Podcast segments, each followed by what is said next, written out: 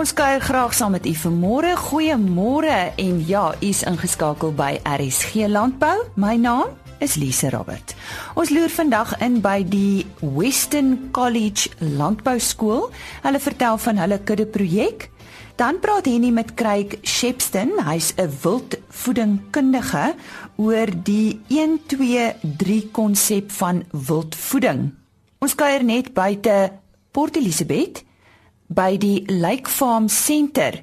Dit is 'n sentrum vir volwasse afhanklike mense en hulle word ook geleer om te boer.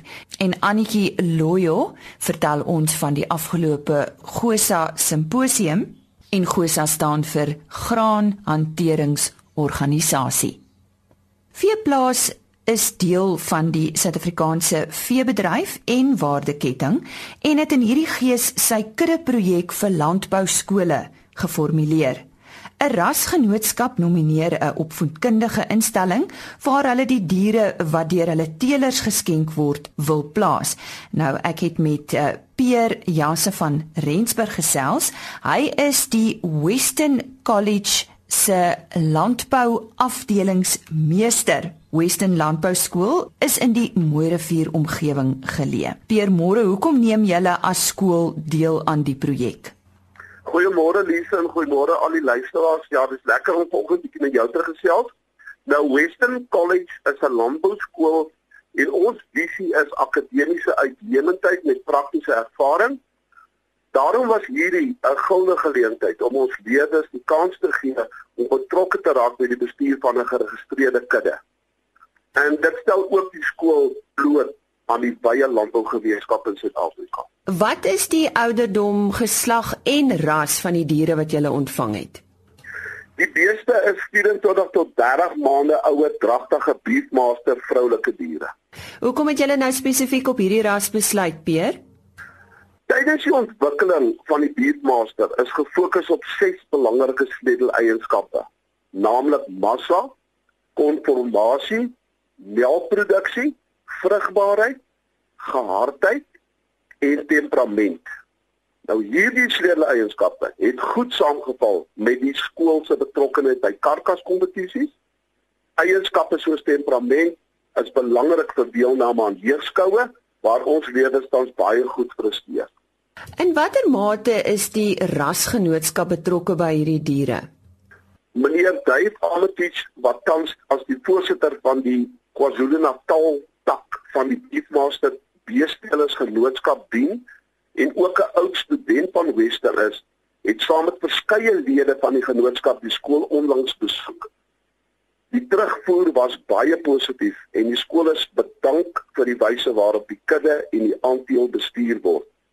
Tydens die besoek is verskeie van die skool se eie aandeel by die kudde gevoeg as A-graad diere en ons as skool is baie trots hieroor. Meneer Ametich is is deurgangs betrokke by die besluitneming en is ook altyd bereid om ons by te staan met raad. Wat behels die versorging en die omsien van hierdie diere alles en ek dink dit is seker waar die kinders nou ook lekker betrokke is. Ja, nee Lise, dis waar.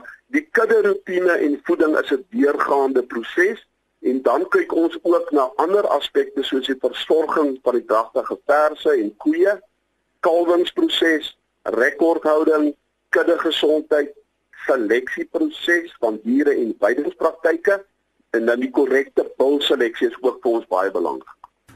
Ja, so hoe betrokke is die leerders en waar is hulle betrokke? Die leerders is elke dag betrokke by die roetine versorging van die kudde. Die leerders is ook betrokke by die rekordhouding, bulseleksie en die skou van die diere. En dan die beefmaatvertelingsgenootskap gaan ook 'n beoordelingskursus by die skool vir ons aanbied. Hoe, hoe lank is die diere al daar en en en hoe vorder die leerders tans, Peer? Die diere die die diere het die einde van verlede jaar by die skool aangekom die leerders is baie entoesiasties oor die betrokkeheid en hulle sien uit na die na die toekoms en dit vondag reeds buite sy die meriete van die ras. Dit was dan die Western College in die Mooirivier omgewing se landbou afdelingsmeester Pierre Janse van Rensburg.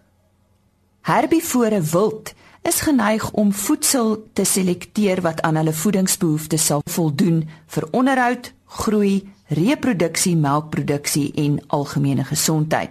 Dis dis belangrik om kos te verskaf wat eerstens hulle pense volmaak, maar wat ook aan al die dier se voedingsbehoeftes voldoen vir die spesifieke fisiologiese stadium van die dier. En die maas het met Craig Shepston hieroor gesels.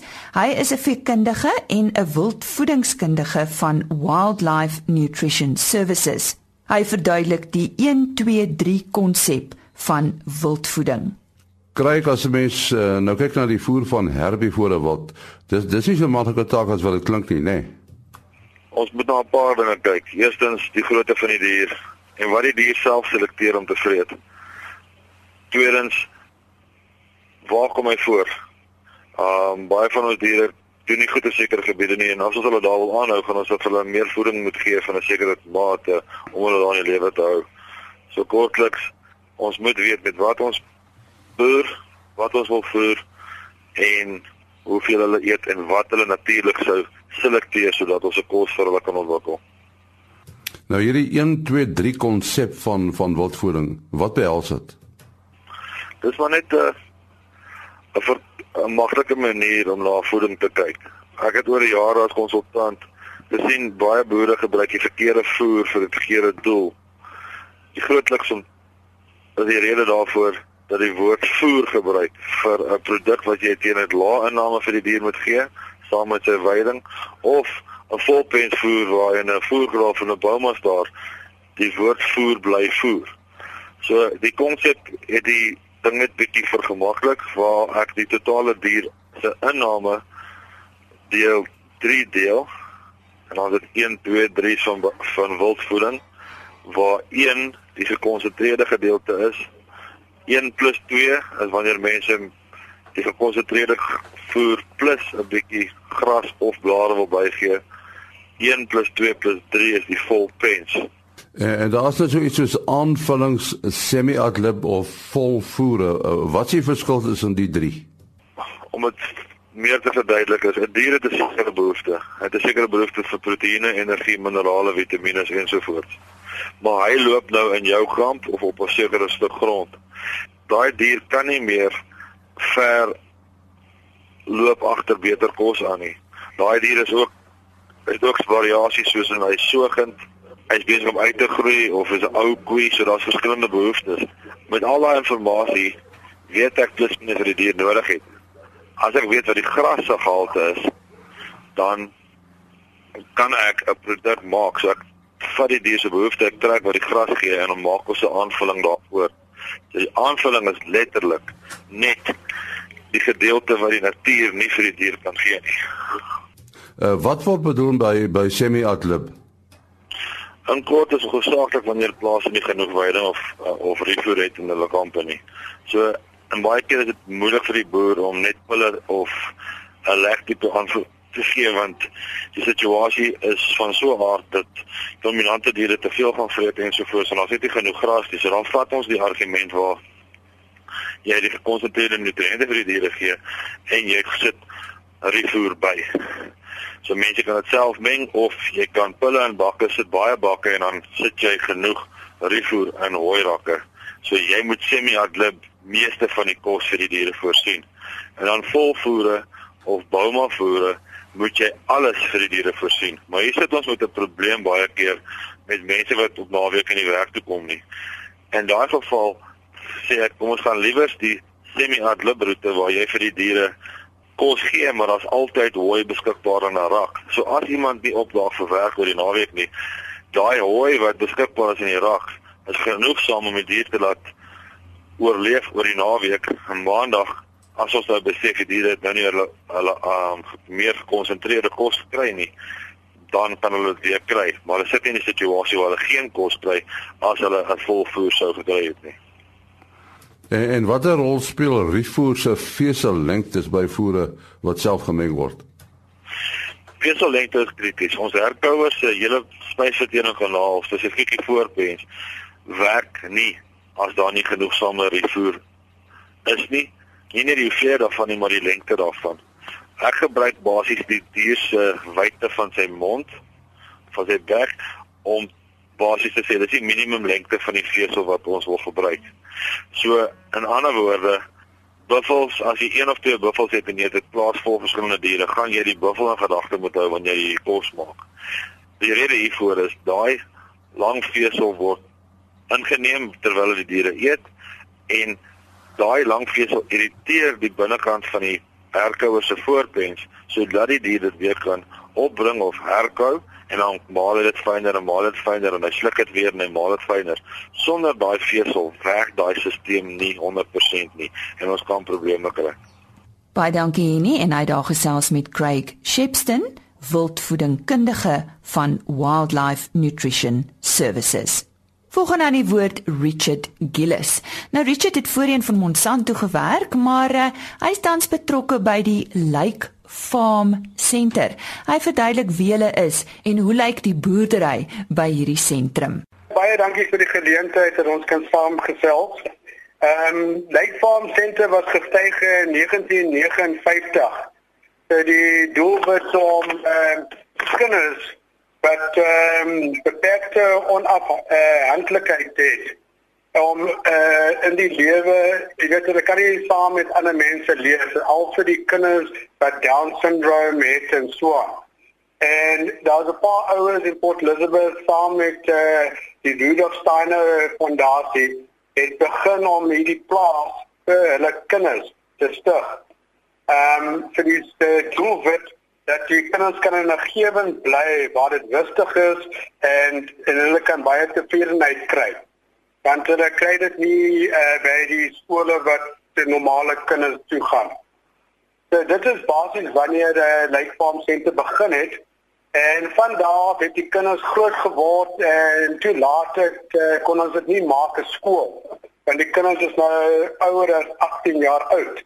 En, en met hierdie tyd ehm um, het ons die hele doelwit van die ehm um, plaasskool verander na ehm um, 'n uh, 'n senter vir ehm um, volwassenes um, om te bly daarso. En nou het ons ehm um, volwassenes van die ouderdom van 75 jaar oud daarso wat ons noem uh, orphans want hulle ouers is nou oorlede en die ouens het nie ehm um, uh, uh, genoeg geld uh, agtergelos om vir hulle te sorg. Dit is die rede hoekom uh, ons die Lake Farm Aid Association begin het wat 'n komitee is waar ons fondse insamel en projekte begin om hulle lewens beter te maak uh vir die volwassenes nou. Presies, waar is julle geleë, Richard? Uh ons is op die uh plaas wat se naam is Lake Farm. Dis op die Lakeside pad tussen uh, Green Bushes in Port Elizabeth en Seaview. So ons is so 20 km buitekant die die middel van die dorp. Nou ek verneem jy het op 'n stadium vir Monsanto gewerk. Uh, wat wat presies is jou rol? Wel, ek is op die komitee van die ehm um, die Lake Farm Aid Association. Ehm um, en ek help om uh, nou die plaas uh, 'n bietjie beter ehm um, aan die gang as een van my uh, projekte wat ek doen. Ehm um, want uh, die die inwoners het nou ouer geword en die toestande om buitekant in die wind te werk soos jy weet Port Elizabeth is die hoofde noord van die wind in Suid-Afrika. Ons het uh, besluit om uh, meer intensief te begin boer. In ander woorde ons het nou multispans opgesit uh waar nou die inwoners kan uh, onder die plastiek werk en uit die wind werk. Dit was uh, een van die redes hoekom die uh, komitee my gevra het om hulle te kom help met hierdie projek. En en wat produseer julle daar? Die plaas produseer ehm um, groente. Die uh, doelwit van die groente is om die kombuis kos te gee. Ehm um, die, die ons sukkel 'n bietjie finansiering eh uh, ehm um, want uh, die regering gee net 'n bedrag per persoon om by die uh, senter te wees. En dit is nie genoeg geld om hulle kos op die tafel te gee en vir die verpleegsters te betaal al as hulle nou begin ouer en ouer raak. Ehm um, en die doel van die projek is nie eintlik om geld in te samel, maar meer kos op die tafel te sit dat hulle hoef nie om geld te gaan soek om kos te gaan koop. Want hulle bly op 'n plaas. Julle leer die inwoners heelwat uh, vaardighede en natuurlik onder meer om te boer. So so wat behels dit? Hoe doen julle dit? Okay, ons het wat ons noem huisouers. Ehm um, daar's uh, so 8 tot 10 inwoners in 'n huis. En dan het hulle ehm um, twee huisouers wat hulle oppas. En saam met die huisouers ons ehm um, gebruik die uh, die plaas as 'n terapie om hulle besig te hou gedurende die dag. En ook uh, dat hulle kan gestimuleer word om 'n beter uh, bydrae te gee in hulle eie lewe en hulle is baie trots op hulle werk wat hulle doen want hulle ehm um, kweek groente wat hulle kan verkoop uh, aan die klein winkel wat ons het by die uh, sentrum En ook daar is um, ander besighede naby ons wat ons ondersteun. As ons te veel groente het, dan uh, koop hulle die ekstra groente van ons. So die inwoners uh, voel dat hulle bydra gee aan die weet die buitekantse mense ook. Jy ken landbou in Suid-Afrika en ek is seker jy het ook 'n visie Waarheen is julle op pad? Wat wil jy graag nog daar bereik, eh, Richard? Okay, ehm um, die visie van die komitee is meer uh, want uh, ons het 90 inwoners by die sentrum. Maar buitekant in die rural areas en so aan, daar's baie uh, uh, mense wat ook Down syndrome het, wat ook Alzheimer het, demensie, al daai ehm um, uh, siektes.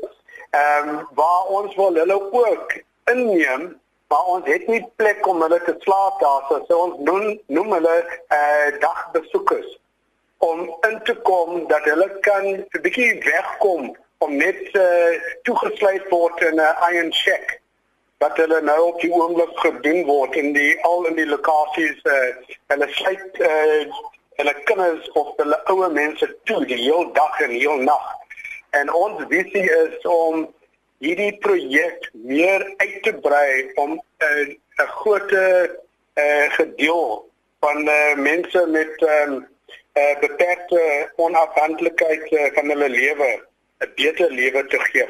Dis ons visie. En uh, jou wens vir hierdie mense, wat wil jy hê moet hulle nog leer en en kan doen? Okay, so ons ons het 'n groot probleem dat ons uh, eintlik um, is nie social workers nie. Ehm um, uh, ons is hier so om 'n gemeenskap doel te probeer uh, regmaak. Uh, jy weet uh, om te help om ander mense se lewens beter te maak. Dit is die hele idee agter hierdie projek wat ons nou uh, klaar gedoen het. En uh, is daar enige vee wat jy wil hê hulle ook moet hanteer op die plaas soos beeste? Ja, ons het beeste ook en dit is uh, baie um, al vir um, ons demensie ehm um, eh uh, inwoners.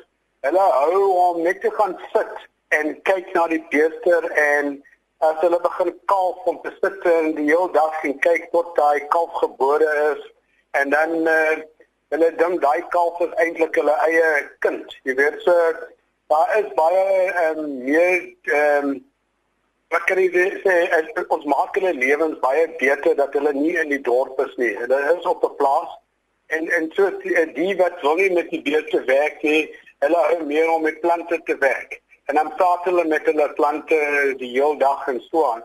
En dan het ons ehm um, um, inwoners wat 'n bietjie ehm um, meer onafhanklik is, ehm um, waar hulle net sit en onkruid uittrek die hele dag. Maar ons hou hulle besig en hulle en hulle is so lief vir hulle werk. Hulle doen hulle doen so 'n groot uh, job, jy weet. Dit is weer vir my om te sien dat hulle lag en hulle gesels met mekaar en hulle is so gelukkig as hulle op die plaas is. Nou dit klink vir my asof jy 'n wonderlike werk doen. Ja, miskien moet jy net vir ons kontakbesonderhede uh, gee of 'n uh, of 'n webwerf. Ek, ek, ek ons is op op uh, Facebook. Ehm um, so uh, iemand uh, enige persoon kan uh, gaan kyk op Facebook onder Life Farm Center en ons uh, webwerf is www.lakefarm.org.za. Ek het daar gesels met Richard Gillis van die Lake Farm Center. GOSA, oftewel die Graanhanteringsorganisasie van Suider-Afrika, se jaarsimposium het op 22 en 23 Maart in Mosselbaai plaasgevind. Ek gesels nou met die president van GOSA, Aniki Loyo. Sy verduidelik eerstens die doel van hierdie simposium.